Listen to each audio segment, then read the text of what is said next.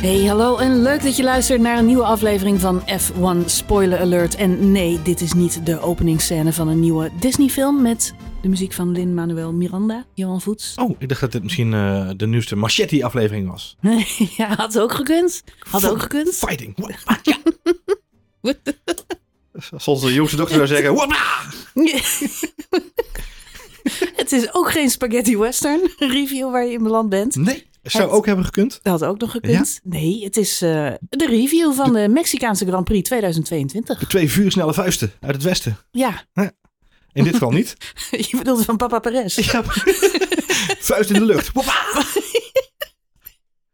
nou, die hebben we weer voor een heel jaar uh, bijgetankt, toch? Zou, zou die man gewoon op maandagochtend voor de Grand Prix van Mexico al beginnen met een dieet van alleen maar Red Bull? Ja, dat denk ik. Ik heb die man dit weekend een beetje aan zitten aanschouwen. Ik maar... denk dus uh, toen, toen Checo getekend heeft, toen was dat een van de contractvoorwaarden. Dat ja. uh, Papa Perez gewoon een uh, lifetime supply Red Bull moet krijgen. Je hebt, hier, je hebt toch bij Star Wars, voor alle mede Star Wars liefhebbers in ons, in ons groepje, hebben we natuurlijk... heb je die, die, die, in ons nerd in heb universum. Je, ja. Heb je die tank waar je natuurlijk ja. in gaat om te, om te recoveren? Ja. Ik denk serieus dat Papa Perez gewoon elke nacht in slaap valt in zo'n in zo'n tank vol tank. met Red Bull. die gewoon, gewoon volgegooid wordt. Oh, Vamos!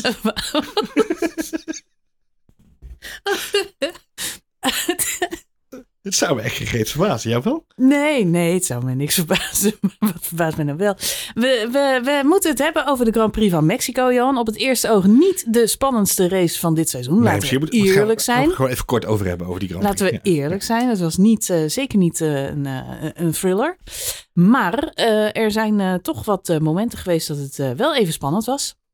En dat dan wat mij betreft vooral in de bandenstrategie. Dus ik denk dat we daar toch wel even een analyse van kunnen doen. Ja. En uh, wat was er bij de Ferraris aan de hand? Die waren ineens helemaal nergens. Mercedes, hadden die misschien deze race kunnen winnen? Dit was het moment. Lewis Hamilton, die wil heel graag een meerjarige deal tekenen bij uh, Mercedes. Die wil nog even blijven. Ja. Max Verstappen, 14 overwinningen in één seizoen. Dat is natuurlijk ook een, uh, een affiche waard. Um, en het kunnen er nog meer worden, want er zijn nog twee races te gaan. Ja. Daniel Ricciardo, man of the match. Man of the match. Man of the match. Ja, het was voor mij ook Ja? wel een beetje. Ja, de. de, de Man of the match. man of the match. Wauw.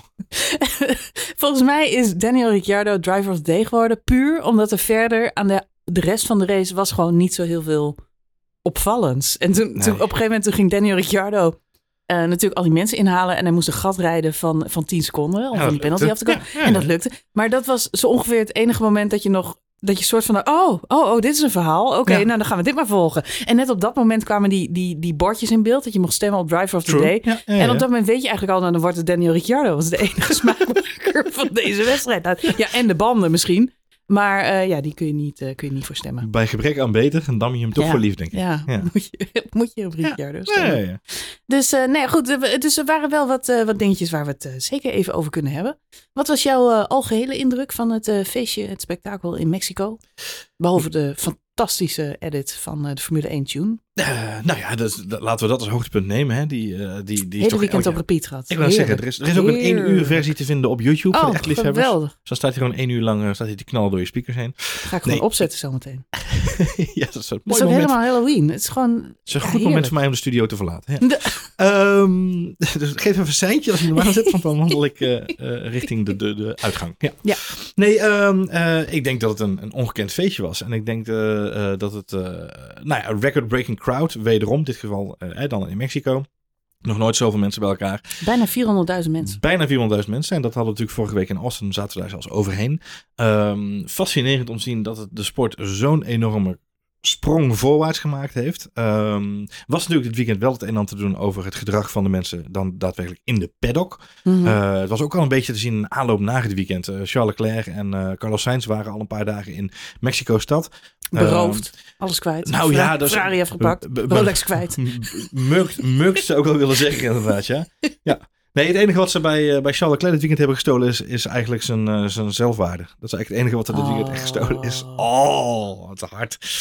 Nee, ik heb een hele logische verklaring voor het feit dat de, de, de Ferraris niet, uh, niet, niet meededen deze race hoor. Maar iedereen lijkt dat te weten, behalve Charles Leclerc zelf. Maar ze, hebben de, ze hebben de motor van Ferrari gestolen en toen hebben ze er een... ja. de, hebben ze een, ingezet. Precies, dat was eigenlijk het verhaal. Maar niemand had het tegen Charles Leclerc gezegd. Twee, twee hamsters in die Ferrari oh, gezet. Hij had geen idee waar het toe kwam. Ik vond het wel een beetje sneu dat hij na afloop van de race... Maar misschien is dat ook gewoon het PR-verhaal wat hij moet Dat zou zomaar kunnen. Nee, ik vond, het, uh, ik, ik, vond het, de, de drukte en, en het ja. spektakel groots. Uh, wat ik jammer vond is dat dan toch weer de, hè, de, wat dan in de drives briefing is besproken, dat er dan toch het gedrag van de fans het echt ja, bovenop coureur springen. We zagen dus donderdag al, dat, dat wil ik eigenlijk vertellen, bij Charles Leclerc en Carlos Sainz gebeuren in de stad.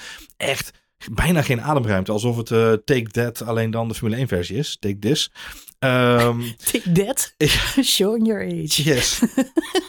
Ja, ik had ook kunnen zeggen One Direction, want dat gaan we ook over de baan. Er zitten nu mensen te luisteren die denken, take that, take ja. that. De Beatles. Dat waren pas tafereelen, Johan. Ja, dat waren pas tafereelen. Ja, dat had wel gepast in het jaren 60 thema van, deze, van dit weekend inderdaad. Ik zag uh, Will Buxton nog in een hele mooie uh, Sgt. Pepper's uh, outfit over, de, over de paddock heen lopen. Of over de grid heen lopen. Nee, maar dat, dat is wel een stapje te ver. En dat, ja goed, laten we dat dan hopen dat dat voor nu een, eens en, en voor altijd verbannen is. Of dat het dan besproken is en daarmee klaar voor nu. Want ik vind wel de toegankelijkheid en de groei van de sport. Ja, dat is wel te gek. En dat zag je dit weekend supergoed terug. Dus nee, ik heb wel genoten van, van, van, van de sfeer in Mexico dan wel weer iets minder van de race. Ja, had je niet uh, nee, nou, ik had, spannende avond? Ik heb, uh, ik heb nog even bedacht, ik heb nog even overwogen om gedurende de race ook gewoon de administratie nog even erbij te pakken. Willekeurige administratie, want ik doe die helemaal niet, maar gewoon voor de vorm. Misschien eens een keer interesse te tonen erin. Uh, ik heb het brood gesmeerd voor de kinderen. Dat is ook een veel, veel gehoorde bezigheid in onze, in onze fanbase. Um, het kerstverse zwemdiploma gestreken. Het, het kerstverse ja. zwemdiploma ja, gestreken. De tasjes klaargemaakt. De, de tasjes klaargemaakt. ik heb zelfs overwogen om mijn eigen kleding te gaan strijken. Maar dat zou voor het eerst zijn in mijn leven. Dus. Je eens die strijkplank uitgraven. precies. nou, dat is gelukt dit weekend. Als je dan toch erover hebt. weer een heel ander verhaal. Wat heel grappig is, is dat onze, onze jongste dochter dan vervolgens boven komt en zegt... Papa, wat is dat? ja. Nog nooit een strijkplank gezien. Tot zover het huishouden van Jan Steen. Drie jaar oud. Ah, de strijkplank is ook overrated. Hè? Exact. Dat is ook iets van een andere generatie, joh. Een beetje husselen met je kleding. Ja, precies. Gewoon een beetje uithangen. Komt allemaal goed. En een kreukje hier of daar is niet erg. Tot Heb zover. last van bij t-shirts en hoodies, hè? Tot zover uh, deze huishoudelijke lifehacks tips. Goed, laten we het even over de serieuzere zaken hebben. Uh, de bandenstrategie, Johan. Want dit was dan de race waar het allemaal moest gaan gebeuren. Er waren best wel wat verwachtingen vooraf. Checo Perez zou hij voor het eerst de Mexicaanse Grand Prix kunnen gaan winnen. Dan had hij wel enige hulp nodig van Max Verstappen waarschijnlijk. Want die gaat natuurlijk niet zomaar aan de kant. Um, en Mercedes, dit was wel een beetje de Grand Prix waar zij goede hoop hadden dat ze iets konden laten zien. Uh, ja, en dit, dit verhaal begint natuurlijk allemaal op de zaterdag. Want op de zaterdag werden eigenlijk ja, de, de, de fundamenten gelegd voor deze race. Ja, nou ja, in ieder geval voor de hoop van Mercedes, laten we het vooropstellen. Ja. Want wij waren er eigenlijk op eh, vrijdag al aardig bij, maar op zaterdag, zeker met de, de derde vrije training, uh, nou, George Russell en, en Lewis Hamilton uh, uh, keurig mee aan, aan de bovenkant van het, van het klassement. Um, ja, George Russell denk dan ook eh, tijdens die poll of tijdens die kwalificatie dat hij ook gewoon een shot heeft om, om pole te bereiken. Um, ja, de vraag is eventjes, denk jij dat Mercedes in staat zou zijn geweest om pole te pakken op zaterdag? Uh, pole was wel lastig geweest, maar dat komt natuurlijk ook omdat Max echt on fire is. Ik denk dat het in de, ik denk dat het nergens zo dicht bij elkaar zat tussen de twee auto's als op dit circuit. Ik denk dat als uh, Mercedes voor een andere bandenstrategie had gekozen, het spannend was geweest in de race. Maar ik denk dat Max nog steeds 1 tot 2 tiende sneller was geweest dan de Mercedes. Of dan Lewis Hamilton met name. Gewoon puur op autosnelheid. Uh, uh, Puur op autosnelheid. Dus ik denk ook in de kwalificatie, die tiende. Uh, het verschil gemaakt. Ja, zaten ze er gewoon voor. We weten van Checo Perez is gewoon geen kwalificatiemonster. Dat is niet echt zijn voorte. Hij moet het echt van de race hebben. Dat zag je ook wel weer. In de openingsronde pakt hij gelijk George Russell. En weet op die manier eigenlijk zijn derde plek veilig te stellen. Ja. maar ja, in de kwalificatie, daar, daar verschiet hij eigenlijk zijn, zijn kans om, om die race te winnen. Ja. Max is zoveel sneller. En als je dan vierde kwalificeert, ja, sorry, heb je niet heel veel Nee, hij had natuurlijk ook wel wat kwalificatie gremlins, Perez. Natuurlijk DRS in de eerste twee stints die het niet echt lekker deden. Vervolgens ook elektronica problemen, want ik begreep uiteindelijk dat niet alleen zijn DRS niet deed, maar dat zijn hele dashboard uitviel op zijn auto. Ja, dan is het natuurlijk wel tricky. maar hij verpest daar inderdaad wel de mogelijkheid om, om op zaterdag of zondag echt Hij zet nog steeds een goede ronde neer. Je vlak de Mercedes niet uit. Die zaten daar hartstikke goed bij. Die hebben de auto zeker verder geoptimaliseerd. Um, dus het was ook niet makkelijk. En dan is er nog het verhaal met dat hele lange rechte stuk daar in, uh, in Mexico. Dat was natuurlijk uh, van tevoren al bekend. Eigenlijk wil je geen pole position hier. Uh, de afgelopen zes, zeven jaar heeft er geloof ik niemand gewonnen op Mexico. De hele moderne Formule 1 tijdperk is er, nog, Mexico. is er in Mexico nog niet vanaf pole position gewonnen. Precies. En wie doet het? Max Verstappen, uiteraard. Uh, werd door Christine Horner ook nog even kort aangestipt na afloop van de race. Dus dat is sowieso knap. Het was echter ook noodzakelijk dus voor de Red Bulls om op die rode band te starten. Want zij moesten.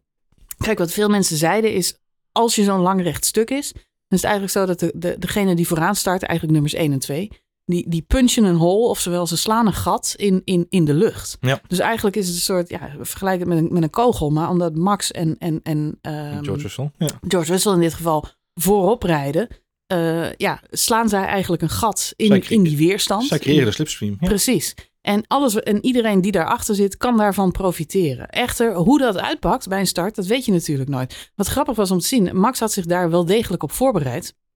En dacht, ik ga gelijk naar rechts om de slipstream van Hamilton te breken. Want Hamilton had natuurlijk gedacht, ik ga optimaal profiteren ja. van, uh, van uh, uh, Max die voor mij zit. En daar was Max duidelijk op voorbereid. Die duikt eigenlijk gelijk naar rechts. dat ziet niemand aankomen. Dan denkt George Russell, oh dat is mooi, dan ga ik daar achter zitten. Maar George Russell heeft dan eigenlijk zoveel snelheid dat hij moet uitkijken dat hij niet bovenop Max Verstappen uh, klapt. Ja. En hij heeft vor, vorige week al iemand eruit gereden. Dus die zal misschien ook een beetje extra voorzichtig zijn geweest. Ja. Dus die moet weg uit die slipstream. Je ziet George Russell daar naar links duiken. Ja. Op dat moment heeft hij uh, Lewis Hamilton ook al achter zich. Lewis Hamilton zit ver genoeg van Max Verstappen af. En omdat George Russell er tussenuit duikt, heeft Lewis eigenlijk de perfecte toe. En zo komen die twee heren op 1 en 2. George Russell, ja, je kunt zeggen, het is niet helemaal handig wat hij daar doet. Ik denk ook niet dat hij heel veel anders gekund had. Maar die is eigenlijk ja, de, de meeste pineut van dat lange rechte stuk. Ja. Want hè, Hamilton pakt alsnog uh, die, die toe mee, ja. maar zit ver genoeg achter Max om het hem niet gevaarlijk te maken. Max kan gewoon wegrijden naar de eerste bocht, dus dat Ja. is gewoon prima. George Russell moet uitwijken. Verliest daar niet alleen zijn, zijn, zijn toe door. Komt opnieuw hè, eigenlijk in, in weerstand terecht. Dus dat kost hem tijd. Hij zit ook niet meer op de ideale lijn. Dus hij pakt daar een paar curbs. Verliest daar heel veel snelheid. Ja, en zo eindig je op plek 4. Is gewoon, Ja. ja. Gewoon je Gewoon- eerste, in je eerste eh, 800 seconde. meter. Ja, precies. Ja, ja, Is eigenlijk je race al bepaald. En daar finisht hij ook. Nou het is, het is precies wat jij zegt. En eh Perez heeft natuurlijk dan het geluk dat hij ook op de softbanden start. Kan dan ook eh, Russell pakken op dat moment. Russell verliest daar gewoon heel veel plekken en ook heel veel tijd. Hij vindt dan op een gegeven moment ook Lewis Hamilton naast zich in de, in de chicane. Ehm, hij heeft ook na afloop gezegd, en dit vond ik al een, een, een grappig dingetje. Hij heeft ook na afloop gezegd, ehm, als het iemand anders was geweest dan mijn teamgenoot, dan had ik waarschijnlijk mijn auto gewoon eh, laten uitlopen en had ik hem op die manier naar buiten geduwd. Eh, just ran him off the road. Mensen die dat eh, eh, eh, gefilmd hebben en deelden op social media, dachten dat hij zei rammed him off the road. Maar dat zou wel heel erg extreem zijn geweest. Ik denk ook niet dat hij dat zomaar Zou zou Georgie nooit doen, Johan. Zou Nee, dat zou nooit hij zeggen. Dat zou hij nooit zeggen. Dat zou hij nooit zeggen. Veel te beleefd voor. Maar het geeft wel een beetje een inkijkje in de ziel van de coureur. Hè? Dus hij had hem daar harder laten staan als dat niet Lewis Hamilton was geweest, zegt hij eigenlijk. Ehm, het feit dat hij hem daar niet laat staan, geeft Lewis Hamilton de kans om er voorbij te schieten. En Perez komt dan eigenlijk heel goed mee. Ik vind het ook een beetje onervarenheid. Een beetje hetzelfde met Carlos Sainz. Vorige en natuurlijk ook George Russell in de Grand Prix van Amerika. Het zijn ja, startincidentjes waar je toch... ehm, ja, ik vind, elke ik vind dat Max en Lewis daar vaak wel goed wegkomen. Die hebben natuurlijk al hun gevechten wel gehad. Eerst met elkaar, eh, maar natuurlijk ook met, eh, met de Ferraris in hun tijd. Met Vettel, met Raikkonen. Die gasten die hebben al zo vaak startincidenten gehad. Ik vind dat zij toch... Ja, het zijn, het zijn hele minimale momentjes in de race. Maar als je ziet hoe Max zijn lijn kiest, hoe Lewis... Ze nemen nooit te veel risico. Ze pakken wel vaak de ideale lijn. En tuurlijk, ze hebben allemaal wel eens een shitstart. Dat ze gewoon niet lekker wegkomen. En dan moet je je strategie aanpassen. Moet je net iets anders kiezen. Alleen ik vind dat, ja, George... Ja, het is toch een beetje een, een, een, een foutje, moet ik wel zeggen. Hoe hij daar bij de start twee plekken verspeelt. Ja, nou, het is denk ik wel eh, goed om, om je te realiseren dat natuurlijk Max Verstappen ook een lange aanlooproute heeft gehad met dit soort startincidenten, startmomenten. En, Zeker, en zorgen dat je uit die drukte wegrijdt. Charles Leclerc, idem dito natuurlijk. Ehm, George Russell is natuurlijk zijn eerste jaar dat hij eh, echt aan de voorkant van het veld meerijdt. Uh, dus je zou kunnen zeggen, hij heeft toch wel genoeg startincidenten aan de achterkant slash middenveld van het, uh, van het veld meegemaakt. Ja, dat is anders. Als je, als je 18 auto's voor je hebt, is het toch makkelijker. Ja, misschien wel. Uh, heeft hij toch wat meer tijd om te kijken wat er voor je gebeurt. Het gaat toch al wat minder hard. Alleen zorgen dat je niet tegen Latifi rijdt. Dat is hartstikke eenvoudig. nou, zelfs dat is een uitdaging voor sommige mensen af en toe. of met name voor Latifi zelf. Inhalen kun je toch niet. Met name, dus... voor, met name voor Latifi zelf inderdaad. Ehm, nee, oh, ik denk, heel ik denk, onaardig. Ja, dat is, is heel onaardig. Maar we zijn wel blij dat hij weggaat volgend jaar. Ehm, wat, uh, nee, maar goed, wat je gewoon merkt is, ik denk dat voor Russell ook geldt dat het een kwestie is van heel veel ervaring opdoen inderdaad. Uh, we zagen deze race voornamelijk aan Lewis Hamilton, die gewoon, als je zijn onboard bekijkt van die start, de, de, de, de plek waar hij de auto positioneert, ja, dan zie je gewoon, daar druipt de klasse gewoon vanaf en de ervaring. Uh, zo slim en zo pinter en, en gewoon goed kijken, altijd in zijn spiegels, links, rechts goed kijken wat er achter hem gebeurt, maar tegelijkertijd ook goed weten waar hij hem voor moet neerzetten om te zorgen dat hij optimaal resultaat haalt. Dus dat is gewoon, uh, ja, nogmaals, dat is een, een stukje uh, ervaring van Lewis maar ook gewoon de, klasse van hemzelf natuurlijk. Bandenstrategie, daar kwam deze race toch wel een beetje op neer. Er waren verschillende strategieën en dat was dan wel gelijk ook een beetje de smaakmaker voor de connoisseur die dat uh, in de gaten hield. Als je daar niet zo mee bezig was, dan was het gewoon een hele saaie race. Um, en de spanning moet je soms een beetje dan uit de tactiek halen. En in dit geval was er uh, ja, vrij veel te kiezen qua uh, strategische mogelijkheden. de Red Bulls en de Ferraris en nog een aantal andere teams, die starten op de rode band, Johan. Ja. Zoals we net al aangaven, dat had er natuurlijk ook mee te maken dat zij vrij vooraan starten en meteen in die openingstint uh, in elk geval geen risico wilde nemen en zo hard mogelijk uh, ja, weg wilde rijden, voorop willen lopen. Uh, we zagen ook dat Mexico best een lastige baan was om in te halen. Natuurlijk het incidentje met Ricciardo en Tsunoda en Gasly, die ook iemand ja, eigenlijk wijd drukte daar op de baan. Dus het ging niet altijd even mooi en prachtig. Inhalen was lastig. Nou ja, dat betekent een rode band heeft zo zijn voordelen. meer grip, dus fantastische keuze om op te starten. Echter, de tegenpartij, in dit geval Mercedes, denkt dan natuurlijk: ja, kunnen wij iets anders doen? Ja. Kunnen wij ervoor zorgen dat we een, een, een ja, tegenovergestelde strategie pakken om misschien dan op strategische voordeel deze race naar ons toe te trekken? Dat deden zij door op de gele band te starten. Het verrassende was eigenlijk in die openingstint van de wedstrijd dat die rode band best wel lang meegaat. Um, de race was in die zin ook wel goed te volgen via de boordradio van Lewis Hamilton, die vrij veel contact met zijn engineer had. En uh, eigenlijk continu te horen kreeg, ja, ze moeten zo naar binnen, ze moeten zo naar binnen. Maak je maar geen zorgen.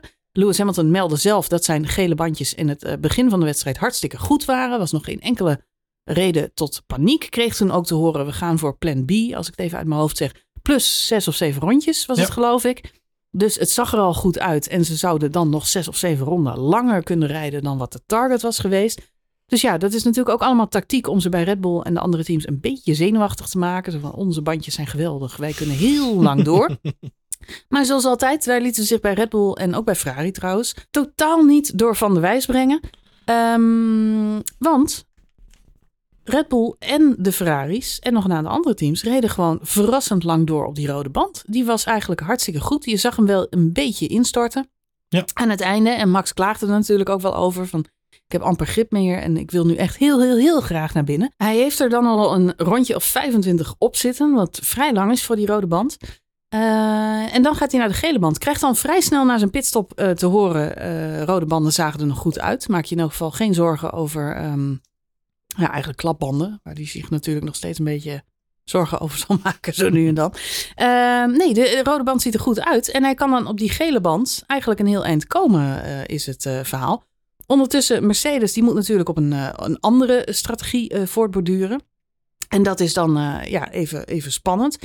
Eigenlijk gaan zij veel korter op die gele band dan wij denken. Op basis van de boordradio. Want volgens mij duikt Lewis Hamilton pak een beetje zeven rondjes na Max' stop ook naar binnen. En gaat dan tot ieders verbazing op de hards rijden. Ja, klopt inderdaad. bij het, grappige is eigenlijk dat de, de, de alle bandenstrategieën zo'n beetje tegen het advies van Pirelli ingingen. Hè? Dus het advies van Pirelli was natuurlijk naar aanleiding van de zaterdag. Uh, waarschijnlijk wordt het een tweestopper. Um, bij Mercedes dachten ze een haantje de worst te zijn door dan te zeggen... nou ja, dan starten we lekker op de mediums. We gaan hem gewoon proberen om er een stopper van te maken. Wat ze alleen niet helemaal gerealiseerd hadden, is dat de andere teams dat ook in hun achterhoofd hadden. In dit Maar geval. dan met andere bandjes. Maar dan met andere bandjes. En ik denk dat daar eigenlijk de crux ook zit inderdaad. Eh, Mercedes was, eh, eh, dacht dat ze nogal progressief waren met hun bandenstrategie. Hè? Dus door kiezen van we gaan op medium starten en dan naar hard en dan gaan we hem proberen uit te rijden. Ja, bij, bij Red Bull dachten ze eigenlijk hetzelfde. Maar we beginnen gewoon op soft, want dat moeten we. Dat gaf je heel terecht aan inderdaad. Hè? Dat rechte stuk moeten we afdekken. Dus we moeten op die softs beginnen. Daarnaast Perez moet naar voren komen. Dus laten we dat vooral doen. En laten we dan gewoon kijken hoe ver we komen. En als we dan alsnog een twee stop moeten maken, ja, dan zien we dan wel weer. Dan kijken we wel weer even verder, want dan kunnen we waarschijnlijk weer terug naar de softs. En dan hebben we ook gewoon een hartstikke snelle band aan het einde van de race. Dus het grappige is eigenlijk een beetje dat Mercedes dacht dat ze heel, eh, heel eh, eh, progressief waren in hun bandenkeuze. En uiteindelijk, ja, die keuze voor die hards, je hoort het al vanaf de, de, een ronde of 5, 6 nadat ze gewisseld zijn. Zowel Lewis Hamilton als George Russell hebben dan al op dat moment hun twijfels.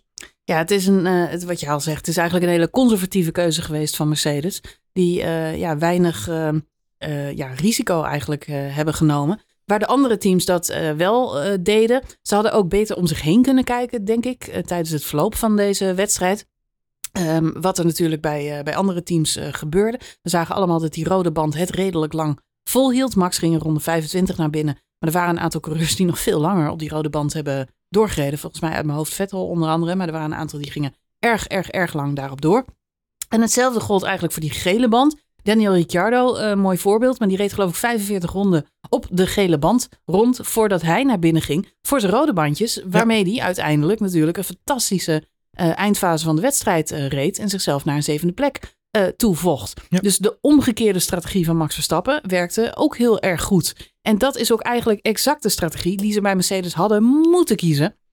Als ze nog een kans hadden willen maken. En wat mij het meest verbaast is dat ze voor beide coureurs eh, eh, dezelfde strategie kozen. Waarom niet een, een, een split strategy waarbij je zegt, eh, nou Hamilton moet naar binnen en die zetten we op de hards. Maar George Russell vroeg zelf op zeker moment om kunnen we alsjeblieft naar softs.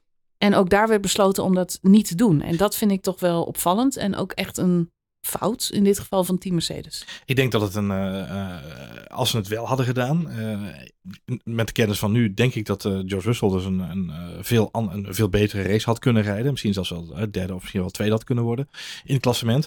Dan hadden ze denk ik wel de spreekwoordelijke poppetjes aan het dansen gehad in de garage bij Mercedes. Want dan was meneer Hamilton denk ik wel behoorlijk over het vlos gegaan. Want die had natuurlijk ook zo zijn twijfels over de banden.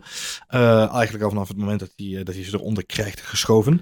Ehm, ja, nee, het is... Wat ik, wat ik erg leuk, ik heb wel genoten hoor van de boordradio's. Want Lewis Hamilton die maakt geloof ik drie, vier keer melding van het feit, ik heb de verkeerde banden. Ik heb echt de verkeerde banden. Waarom heb ik deze banden? Ik wil deze banden niet. Ehm, eh, waarop hij ook nog geloof ik een aantal keer eh, meldt dat de gele banden veel fijner waren. Veel fijner, veel fijner. Dat ik wel denk, nou de gele banden had je niet nog een keer mogen nemen. Dat is sowieso eh, Ja. een beetje het vervelende aan het feit dat je op twee verschillende compounds moet rijden in een Grand Prix.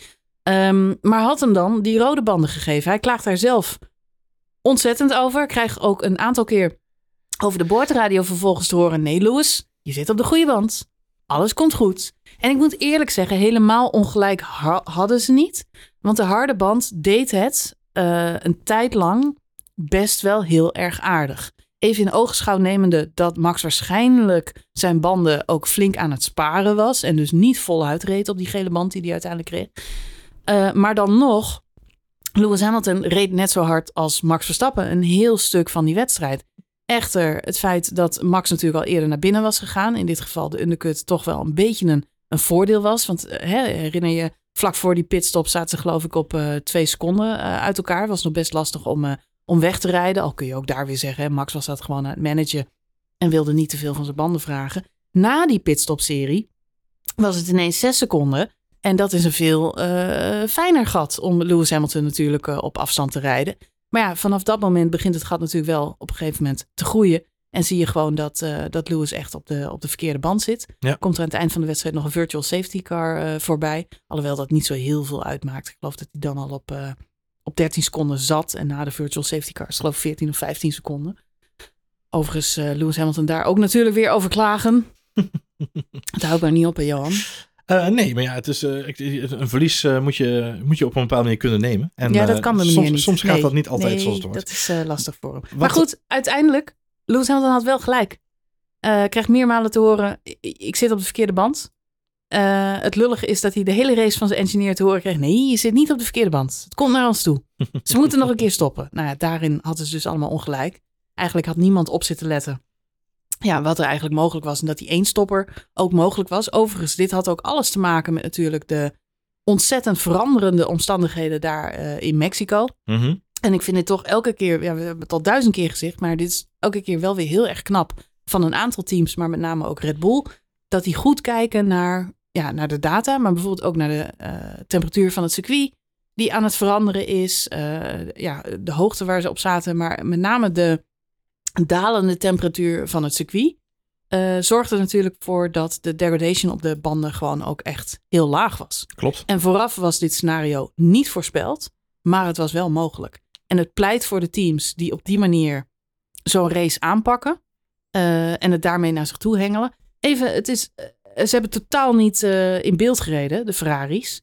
Maar de Ferraris zaten op dezelfde strategie als Red Bull. Dan kun je zeggen, ze hebben het gewoon keurig gekopieerd, nagedaan, et cetera. Maar het was de goede strategie. Ook Ferrari maakt strategisch geen fouten.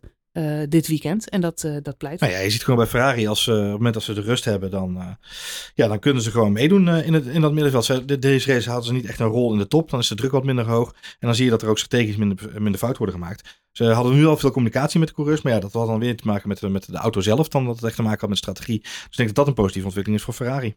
Absoluut, absoluut. En voor Lewis is het dan wel extra schrijnend dat hij een hele race klaagt, klaagt over de bandenstrategie. En aan het eind van de race van notabene Toto Wolf zelf te horen krijgt. Jammer, Loes. We hadden vandaag inderdaad de verkeerde bandenstrategie. Nou ja, misschien was de bandenkeuze niet helemaal uh, optimaal. Nee. nee, nou dat, is toch, dat wil je toch niet horen, Johan? Nee, maar goed, aan de andere kant wil je ook niet gedurende de race horen dat je klem zit tussen uh, helemaal niks. Dus het mooie van hiervan is dat we eigenlijk met z'n allen dachten, oh, uh, Mercedes heeft Red Bull in de tang, want uh, Red Bull staat op soft, dus die moeten twee keer stoppen. Dus, oh, wat zitten ze klem, oh, wat zitten ze klem. En bij nader inzien blijkt gewoon dat Red Bull al die tijd Mercedes onder, in de tang had en een klem had. En kon Mercedes gewoon niks meer doen. Ze konden niet stoppen, ze konden geen extra banden stoppen. Maar ja, op een gegeven moment, George Russell, omdat hij gewoon een hartstikke groot gat had naar Carlos Sainz achter hem, Um, kon hij een extra stop maken voor die snelste ronde. Maar je merkt gewoon, uh, die strategie, het feit dat Red Bull gewoon zoiets had van, joh, we gaan het gewoon proberen. We houden, ons, uh, hè, we houden de hoop hoog en uh, we gaan gewoon kijken wat er gebeurt. Die mindset, die er uiteindelijk voor zorgt ook dat hè, bijvoorbeeld zo'n Ricciardo met een andere blik, hè, precies andersom eigenlijk, zo'n zo resultaat, zo resultaat weet te boeken. Dat zijn progressieve bandenstrategieën. Um, ja, en dan, dan voel je je natuurlijk wel een beetje in het hemd gezet als Mercedes zijn. Dat is natuurlijk um, niet helemaal de verkeerde band ook. Want uh, uiteindelijk wist Hamilton wel uh, Sergio Perez achter zich te houden. Sergio Perez had natuurlijk ook het grote nadeel van die veel te langzame pitstop. Stond vijf seconden stil. Was die pitstop niet zo geweest, denk ik wel dat hij ervoor was gekomen. Ja, maar ja, dan, was die, dan hadden we misschien wat meer uh, kans gehad op een, uh, op een 1-2'tje van Red Bull inderdaad. De vraag is dan nog steeds of dan ook de koppositie was veranderd. Um, nee, dat, dat denk ik niet. Want daarvoor was het verschil, de afstand natuurlijk echt te groot. Wat mij wel opvalt is dat eigenlijk op het moment dat, dat Checo weer terug de baan komt, rijdt hij natuurlijk op een, op een zachtere band dan, dan, dan Hamilton. Hij komt eigenlijk niet dichter dan 0,03 seconden binnen de DRS van... hij komt eigenlijk nooit echt binnen die seconde. Ik geloof dat hij dichtst Hij zit heel even binnen de DRS. Ja, in de DRS. Eén, één momentje inderdaad. En daarna Eén valt hij vrij snel terug. Ja, ja, en dan valt hij vrij snel terug. Dus dat is gewoon toch zonde. Um, op de een of andere manier lukt het hem dan niet om die band eroverheen denk, te zetten. Ja, ik denk ook dat hij daar toch wel zijn banden moet managen. Want die gele band kon wel tot het einde. Dat wisten ze natuurlijk al, omdat een aantal coureurs er zo lang op gereden hadden. Maar ze moesten er wel uh, voorzichtig mee zijn. Die van Hamilton had natuurlijk wel een langere lifespan. Ja, dat maar is helemaal de slechte keuze was het ook weer niet. Het was alleen een uh, klein nuanceverschil, denk ik. Uh, zou dat misschien uh, iets spannender kunnen maken. George Russell, uh, die baalde natuurlijk wel, want die vroeg zelf om die, om die rode band. Die kreeg hem niet. Nee. Zal achteraf nog wel een woordje over gesproken zijn. Denk ik wel, inderdaad. Ja. Maar goed, nogmaals, als je denkt dat je de juiste strategie te pakken hebt en je blijft daar heel stijfkoppig in, je kijkt daarna niet om je heen. Ik denk dat er ook wel een, een, een kleine bijrol misschien was weggelegd voor de heer Fernando Alonso. Die hoorden we natuurlijk op, ja, op zeker moment over de boordradio. Uh, kreeg hij ook de vraag: welke banden wil je hebben? We zitten te denken aan de hards. En hij zei toen heel optimistisch: uh, Hards, maakt me niks uit. De auto loopt op rolletjes. Hij is zo uh, lekker in zijn vel dat de banden totaal niet uitmaken. Um, dat was misschien wel heel optimistisch, maar hij had wel een punt. Eigenlijk op elke band liepen de auto's bijna gelijk. De Ja. verschillen waren echt ontzettend klein.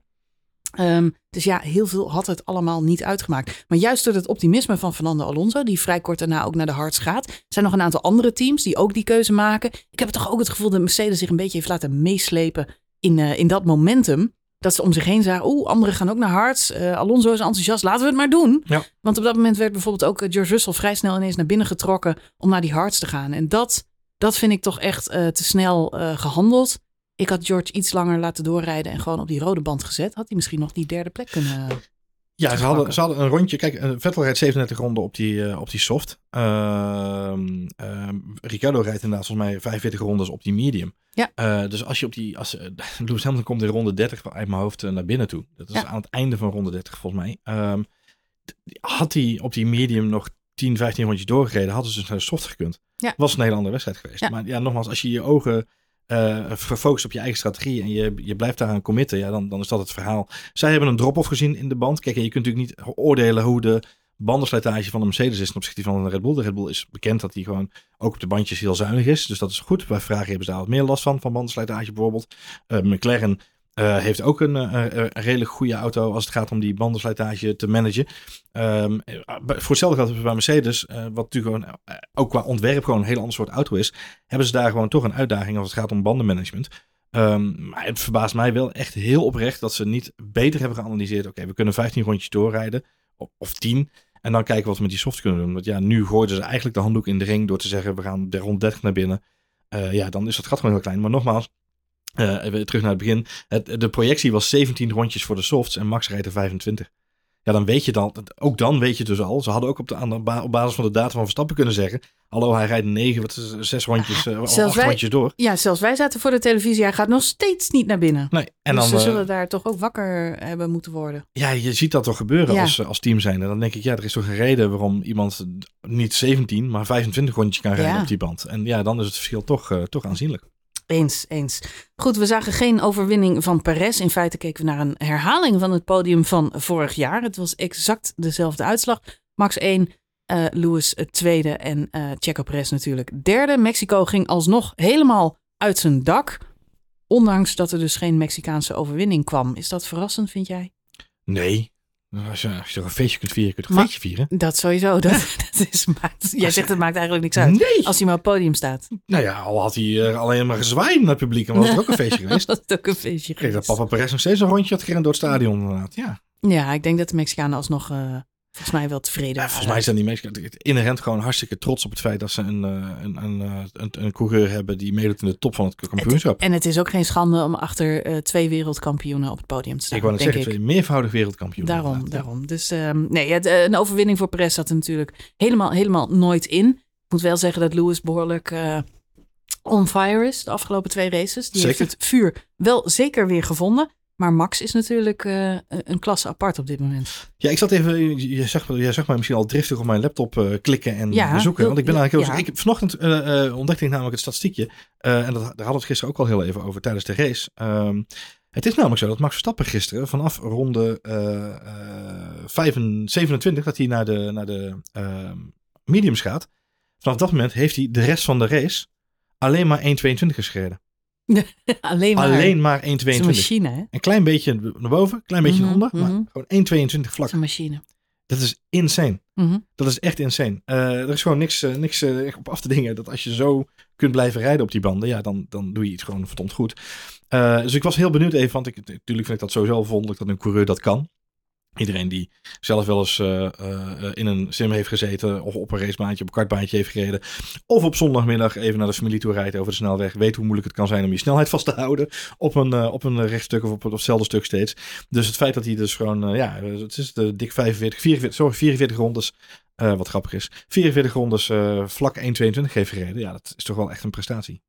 Ja, en dan noemen ze George Russell Mr. Consistency. Ja.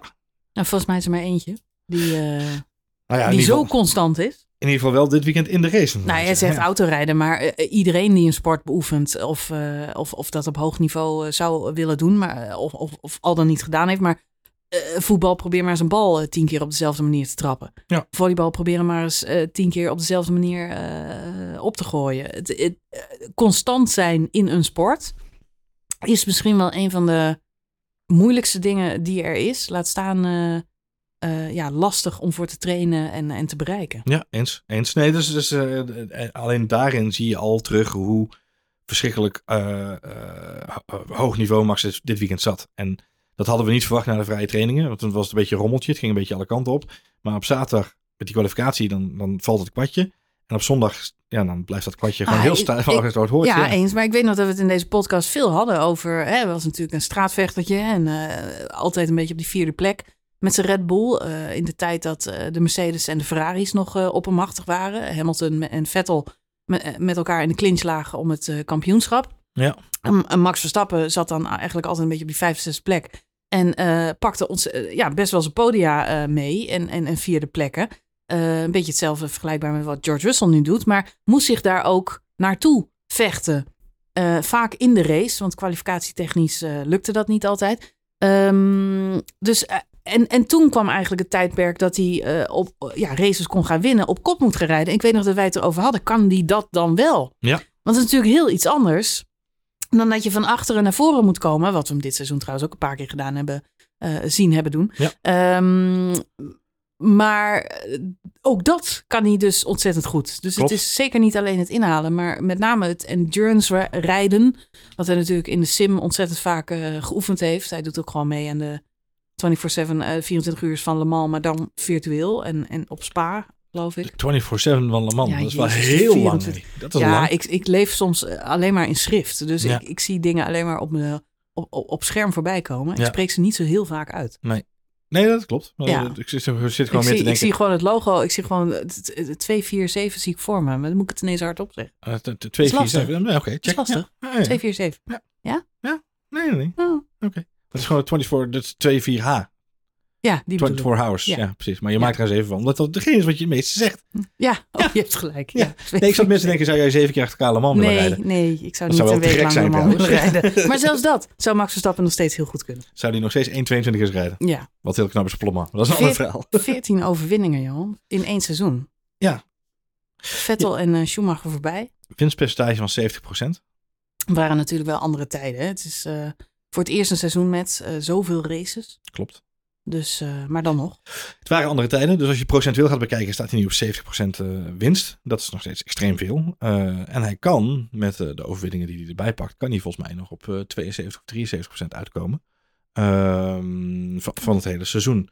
Eh, en daarmee zou die ook daar, want volgens mij is Fangio uit mijn hoofd is eh, onaantastbaar. Die zit echt in de, die won geloof ik zes van de acht races in zijn, in zijn carrière van, van het seizoen. Dus dat is een percentueel gaat hij dat nooit redden. Nee. Ehm, maar hij zou qua procentueel, procentueel overwinning zou hij zelfs nog naar plek 2 kunnen stijgen. Ja. Het is echt extreem hoog. Het is extreem eh, knap. Alhoewel die daar volgens mij zelf redelijk bescheiden onder is. En niet heel erg mee bezig. Nee. Wat, ik, wat ik leuk vind is dat vorig jaar was natuurlijk die climax in Abu Dhabi. Heel spannend. Ehm, ja, is na, afloop nog een hoop gezegd en eh, over gedaan. Eh, Max zal eh, vooral alleen maar ehm, heel emotioneel zijn geweest over het feit dat hij natuurlijk wereldkampioen was. En zich daar weinig van aan hebben getrokken. En dat is maar goed ook. Ja. Ehm, echter, daarna was het seizoen natuurlijk wel afgelopen. En in maart kom je dan terug op de grid en moet je gelijk weer aan de bak. De seizoenstart voor Red Bull was dit jaar helemaal niet zo gelukkig. Dus dat was eigenlijk een beetje balen. Wat ik zo leuk vind nu, dat is dat hij eigenlijk nog al deze races nu heeft om gewoon ja, heel onbezorgd te genieten van zijn wereldkampioenschap. Jazeker. Ja. Hij is zo relaxed ook weer. En, eh, Ja. Ja. Ja. hij staat er heel ontspannen in. Ja, maar, ja, dit is ook gewoon het is een soort race. zegentocht waarin je nog eh, ja, nou, gewoon kunt zwaaien en kunt genieten en voor de lol kunt rijden. En, eh, we zien hem ook op feestjes met, met Lennon Norris. vorige keer na afloop van de Grand Prix van Amerika. Lennon Norris die lekker aan het eh DJ'en is en, eh, en Max erbij. Ze hebben gewoon ook lol en eh, een soort afscheidstour Het is een soort ja, van dit seizoen. afbouwen richting de vakantie. Ja. Ja, lekker toch? Ja, ik het niet verkeerd. zien. Nee. Zien. Wie ook aan het afbouwen zijn richting de vakantie, dat is Ferrari. Die zelfs hun motor al aan het afbouwen waren. In elk geval voor dit circuit wel. Hoe zat dat precies, Johan?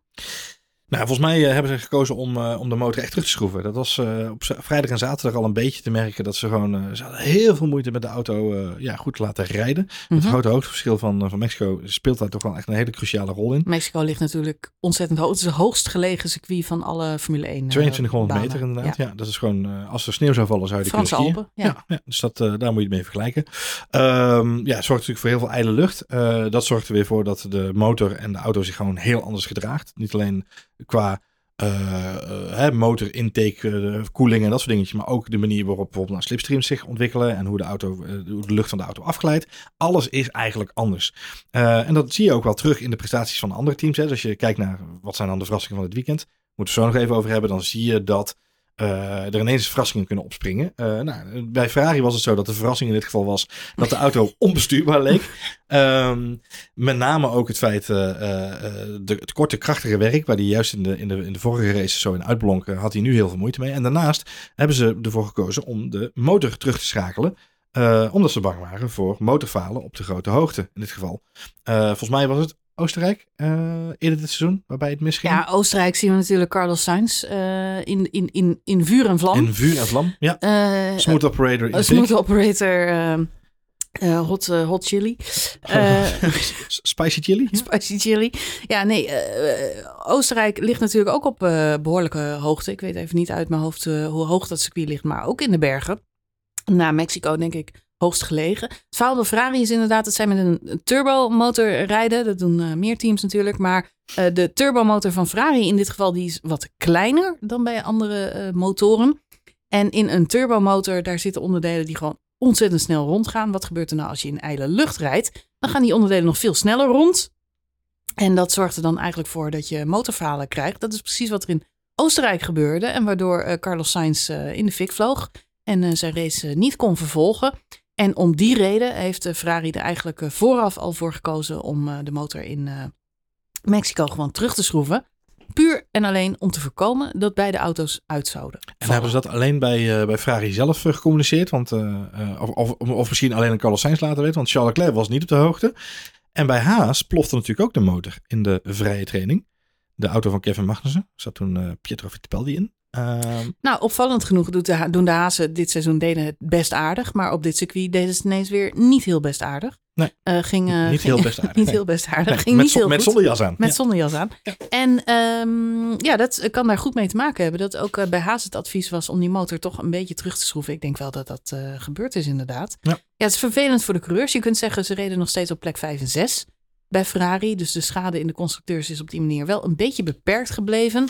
Ze liggen nog steeds voor op, uh, op Mercedes in elk geval. Ik denk dat dat de doelstelling was. Wat ik wel opvallend vond, is dat uh, ja, Charles Leclerc na afloop in de interview deed alsof hij totaal niet begreep waarom dit nu ineens uh, gebeurd was en waarom ze zoveel snelheid misten. Ja. En ze moesten aan de bak en ze moesten harder werken om, om dit gat weer goed te maken. En toen dacht ik, hebben ze nou niet met de coureurs gecommuniceerd hè, dat de motor is teruggeschroefd? Of, of speelt hij gewoon de vermoorde onschuld? En zijn dit verhalen die Ferrari nooit naar buiten wil hebben. Misschien vanwege het merk. Of hè, Ferrari schroeft zijn motor niet terug. Of ik weet het niet. Of misschien heeft Charles een mail niet gelezen op zondagochtend. Dat, kan, ook. Ja. Maar ja, het kan natuurlijk een PR-stunt ja, zijn. Uitroepteken motor Deze moet je lezen, punt doc. Ja, ja, het was uh, verder wel algemene kennis, geloof ik. Ja, dit, uh... behalve voor show. Maar dat is niet, niet ja. erg. Ik bedoel, uh, het, misschien is het ook goed om de coureurs het juist niet te vertellen. Dat zou ook kunnen. Gewoon We hebben ze in elk geval weinig gezien, de Ferraris. Maar dat zal volgende race denk ik wel weer anders zijn. Nou ja, dat zou wel moeten, want zij hebben 40 punten voorsprong nog maar op Mercedes. Maar nog twee races. punten, twee races. Ja, moet kan, kunnen, Johan. Kan hard gaan. Ja, als, als, als ze Carlos Sainz gewoon een race laten finishen, dan... Uh... Als ze gewoon zorgen, ze zullen wel vanaf nu met alle twee de auto's aan de finish moeten, moeten komen. moeten komen. Ja, en ze zullen eigenlijk wel gewoon minimaal top 5 moeten blijven rijden. Het is nog wel interessant, hè? want eigenlijk het meest spannende nu in het kampioenschap is nog de strijd tussen de teams onderling in de constructeurs. En waarom is dat dan voor die teams zo spannend? Nou, één natuurlijk prestige. Je wil boven je directe concurrent uitkomen. Maar er is nog een reden waarom het wel heel belangrijk is. En dat heeft te maken met geld. Zoals alles te maken heeft met geld.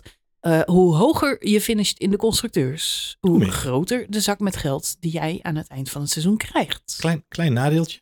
Klein nadeeltje. Voor de mensen die uh, hoog eindigen in het ja. constructeurskampioenschap. Het gaat wel ten koste van je windtunneltijd. Exact dat, want hoe lager je finisht, hoe meer windtunneltijd je krijgt. Tot 15% meer dan de rest. Ja, ja volgens mij staat Red Bull nu op, op min 5. Die, uh, die, die nou ja, min, min 15 zelfs inderdaad. Ja, ja met een kostcap uh, boete erbij natuurlijk. dus die gaan nu geloof ik maar uh, 3, 2, 63 of 64 procent van de tijd die ze mogen gebruiken, die ze hadden mogen gebruiken, gaan ze gebruiken.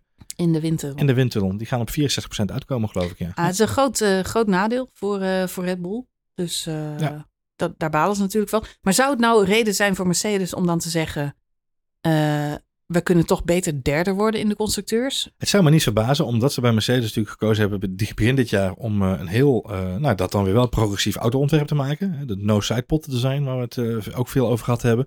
Um, Toto Wolf heeft al aangegeven dat ze van mening zijn dat de, de basis van de auto op zijn kop moet voor volgend jaar. Dus dat geeft ook al aan, want daar zijn ze al wel een tijdje mee bezig, ga ik vanuit. Aangezien het op dit moment 31 oktober is. Dus ik denk wel dat ze al begonnen zijn met tekenen, een tijdje geleden.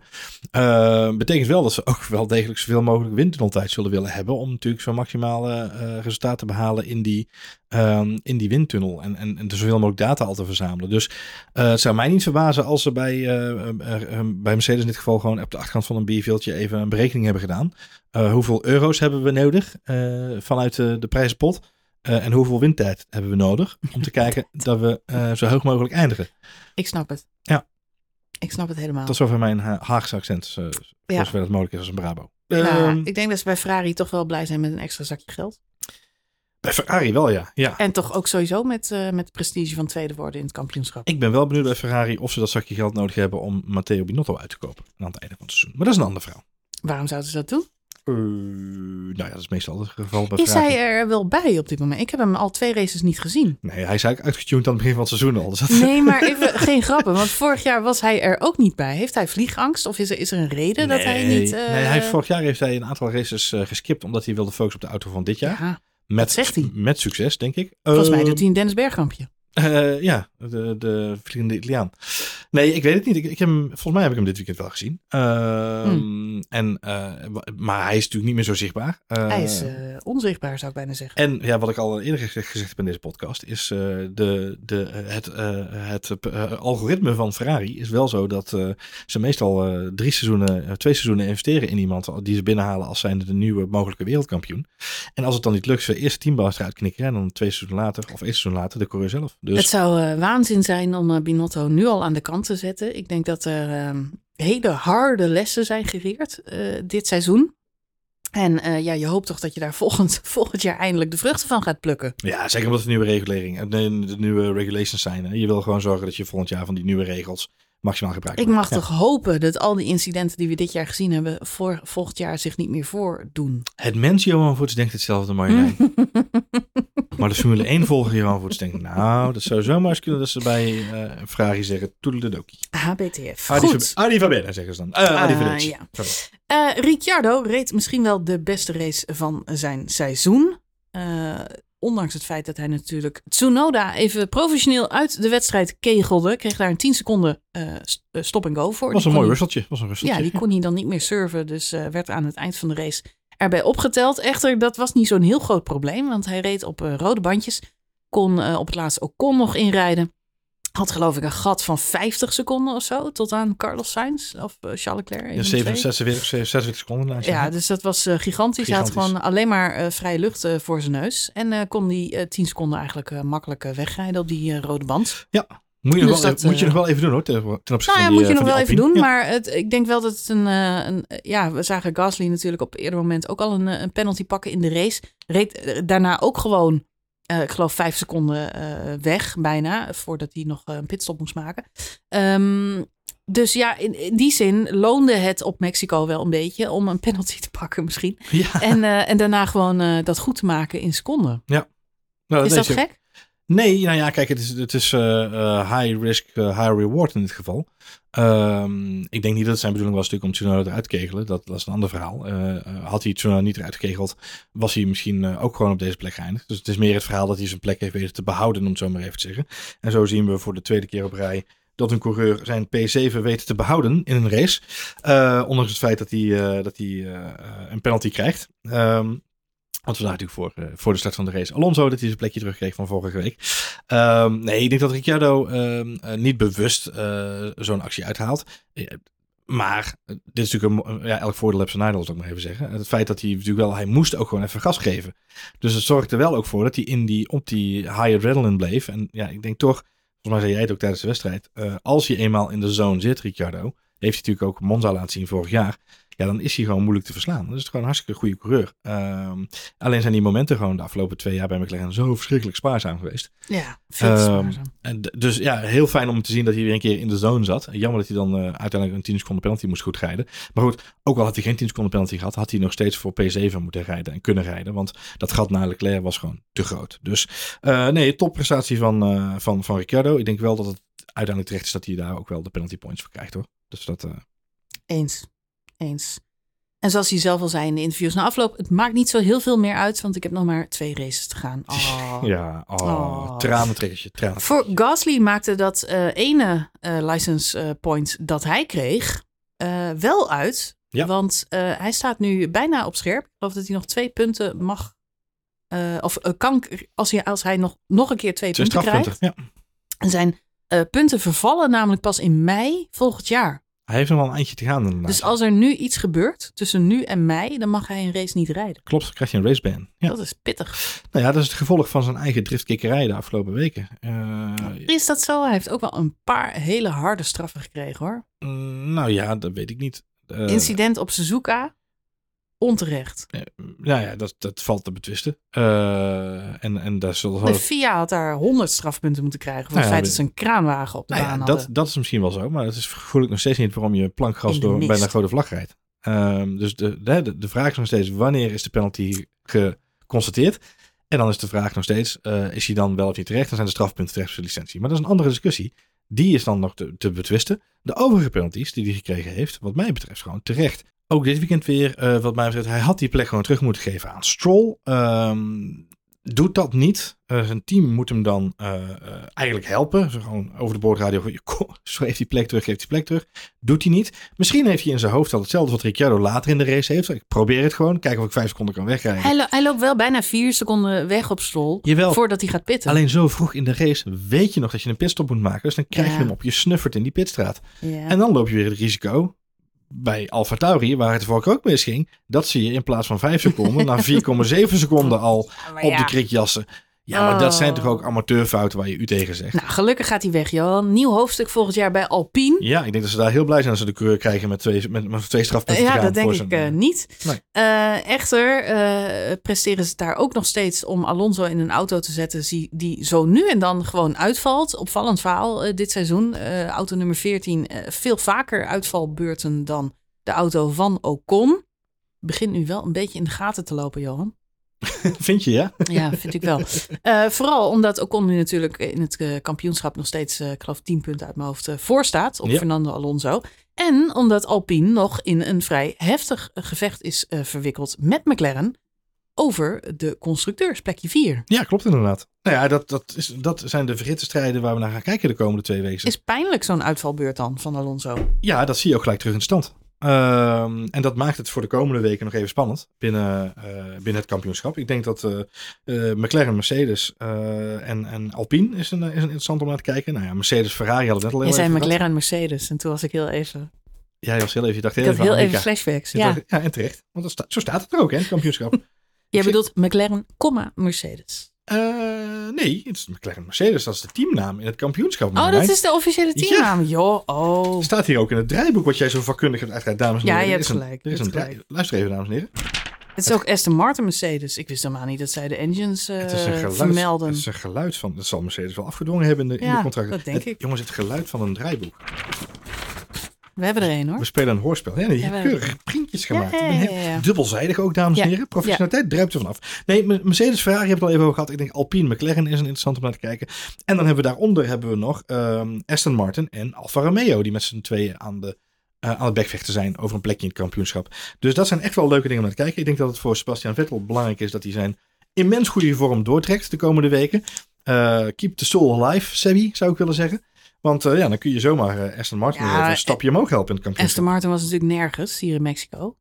Nee, maar, Maar, ja, eh, dat waren ze het hele seizoen niet. Maar toch staan ze gewoon keurig zevende in het kampioenschap. Nou, ze waren niet het hele. Ze zijn best met een redelijke comeback eh, bezig. Alleen in. Mexico eh, wilde het even niet vlotten. Don't call it a comeback, zoals Sebastian Vettel zeggen. Don't call it a comeback. Even over, eh, side note, maar even over Sepp's Instagram-strategie, Johan. Ja. Kun jij daar wijs uit? Nee. Het is, eh, ik dacht dat het een soort build-up zou zijn naar zijn hele carrière. Maar ik zit nu al twee, drie weken Naar lang kinderfoto's te kijken. naar kinderfoto's te kijken op de Ja. kartbaan. ja, Duurt denk, wel heel lang. ik denk dat hij gewoon ergens bij, eh, bij zijn vader moet op zolder een, eh, een, eh, Een met oude foto's heeft gevonden. Nou, laat ik daar maar mee beginnen. Wat zou het betekenen? Ja, what does it mean? Hij reed dit weekend natuurlijk met een Red Bull helm. Uit respect voor Dietrich Mateschitz. Ja, prachtige helm. Prachtig gebaar. helm, prachtige helm. Dan moeten de prestaties wel meegaan. Dat is het enige jammerlijke van deze, hele Nee, ja, maar ik zit dan toch weer en dan zie ik zijn kartfoto's. Zit weer te filosoferen. Zou, zou hij niet een baan bij Red Bull alsnog ambiëren? Ja, ik weet het niet. Er zijn twee mogelijke, of, nou, drie mogelijke. Ik vind in er zijn drie, drie opties. Of hij stapt volledig uit de sport. En Ja. hij, hij, hij keert zich gewoon even helemaal van het racen af. Gaat zich lekker focussen op zijn boerderij en, en op zijn kids. Ik dacht dat hij allemaal met eh, milieudingen zou doen, maar die kartfoto's. Eh, de andere optie is, bij, hij heeft al meerdere keren aangegeven dat ze bij de Formule 1 natuurlijk eh, iemand nodig hebben die dat sustainability project, hè, dat net zero project dat ze hebben, Mhm. carbon, carbon eh, vrij racen, dat project moet getrokken gaan worden. kart. Nee, maar het feit dat de sport dus volledig eh, uitstootvrij moet gaan worden in eh, 2030, dat is Mhm. natuurlijk een, een, een missie die er staat. Hij heeft al vaker gezegd, daar moet eigenlijk één persoon voor worden aangewezen die dat gaat begeleiden en die daar verantwoordelijk wordt gehouden. Het zou me niet verbazen als hij zichzelf daarvoor opwerpt aan het einde van het seizoen. Daar heb ik ook al over nagedacht. En de andere optie is precies wat jij zegt, als een soort talentenbegeleider of coach of misschien wel als eh, Helmoet Marco in de dop mee het, het talententeam begeleiden. Ja, bij Red Bull terugkeren in, eh, in, in enige vorm. Eh, omdat dat toch ook waar zijn hart wel ligt eh, qua loyaliteit, heb ik het idee. Zou dat ook een optie zijn? Maar er zijn, ja, er zijn zoveel dingen. Kijk, als je, in het geval van Seb Vettel, ehm, als je zoveel hebt bereikt in je racecarrière, dan, liggen de, dan gaan er een heleboel deurtjes voor je open als je uit de auto stapt. Dat is zeker waar. Ik moet zeggen dat ik nog steeds hoop dat we hem nog een keer weer terug gaan zien in een Formule 1 auto. Zeker. Dat zou toch wel het mooiste zijn. Alonso is ook een tijdje weg geweest. En hij rijdt als geen ander. Ja, misschien moet hij even als Schumacher gewoon over een jaar of drie weer terugkomen en dan gewoon eh, weer een keer proberen om wereldkampioen te worden. Leuk. Overigens, Alonso's reactie bij het verlaten van zijn eh, gestrande auto. Ja. Goud. Zeker. En daarna wel zwaaien naar het publiek, hè? En dan, zeg maar, het droste-effect. Lewis Hamilton, die kijkt naar Ja. Alonso, die uitstapt uit zijn gestrande auto. Ja, Ja, de memes maken zichzelf dit de memes maken zichzelf. En dan eh, Lewis Hamilton, die op een podium naar boven wordt Ja. gesleept naast de Red Bull. Hij was geen blije eh, camper, zou ik willen zeggen. Geen, happy camper. Geen happy camper, nee. Op dat podium met al die Red Bull om nee, hem heen. Nee, en uh, Marty Garrix als vriendje van Max natuurlijk er nog eens bij. Dus het, was, eh, pijnlijk, hè? het, het was Het voor was niet één fijn. groot Red Ja, Bull feestje en Lewis Hamilton. nou ja, goed. Niet, eh niet zijn finest moment. Wie wel trouwens een fine moment had, even special mention, was Valtteri Bottas. Ja. Prachtige kwalificatie gereden. Supersterk. Dit is echt een beetje zijn circuit. En pakt uiteindelijk een punt. Ja, zeker. En wat, nou, waar we het al eerder over gehad hebben in deze podcast, is hij laat ook heel erg goed zien hoe die verschillen geminimaliseerd of eigenlijk ja, uitschakeld werden in, eh, door de hoge lucht, eh, door de ijle lucht op deze hoogte. Ja, dan heb je ineens een verrassende auto zoals zo'n eh, zo'n Alfa Romeo die dan eens hartstikke goed presteert. Man Dus, verdient eigenlijk een betere auto. Zeker. Maar zijn er, wel, zijn er wel meer op die Ja, er zijn er nog meer. zijn er nog meer. Goed, eh, we gaan afronden. De Grand Prix van eh, Mexico eh, 2022 was geen herhaling van 2021. Eh, misschien eh, hadden we de podcast van vorig jaar even terug moeten luisteren. Want het podium was natuurlijk hetzelfde. Maar de race is toch wel een beetje anders op een aantal punten. We hebben nog twee races te gaan, Johan. Brazilië, Abu Dhabi. Ja, nog een dubbelhelletje. Een dubbelheadertje. En dan zijn we er vanaf. Brazilië over twee weken. Het weekend van de 11e van de 11e. Ja. Voor onze Brabantse vrienden, inclusief wij zelf. Dus dat is een soort van carna- de opening van het carnaval. Naar dat is, Brazilië. eh, dat is Dat is eh, mooi, hè? misschien heel even dan de, de vrije training en de kwalificatie eh, terugkijken als je zaterdagochtend wakker wordt met je brakke hoofd. Die kans is aanwezig.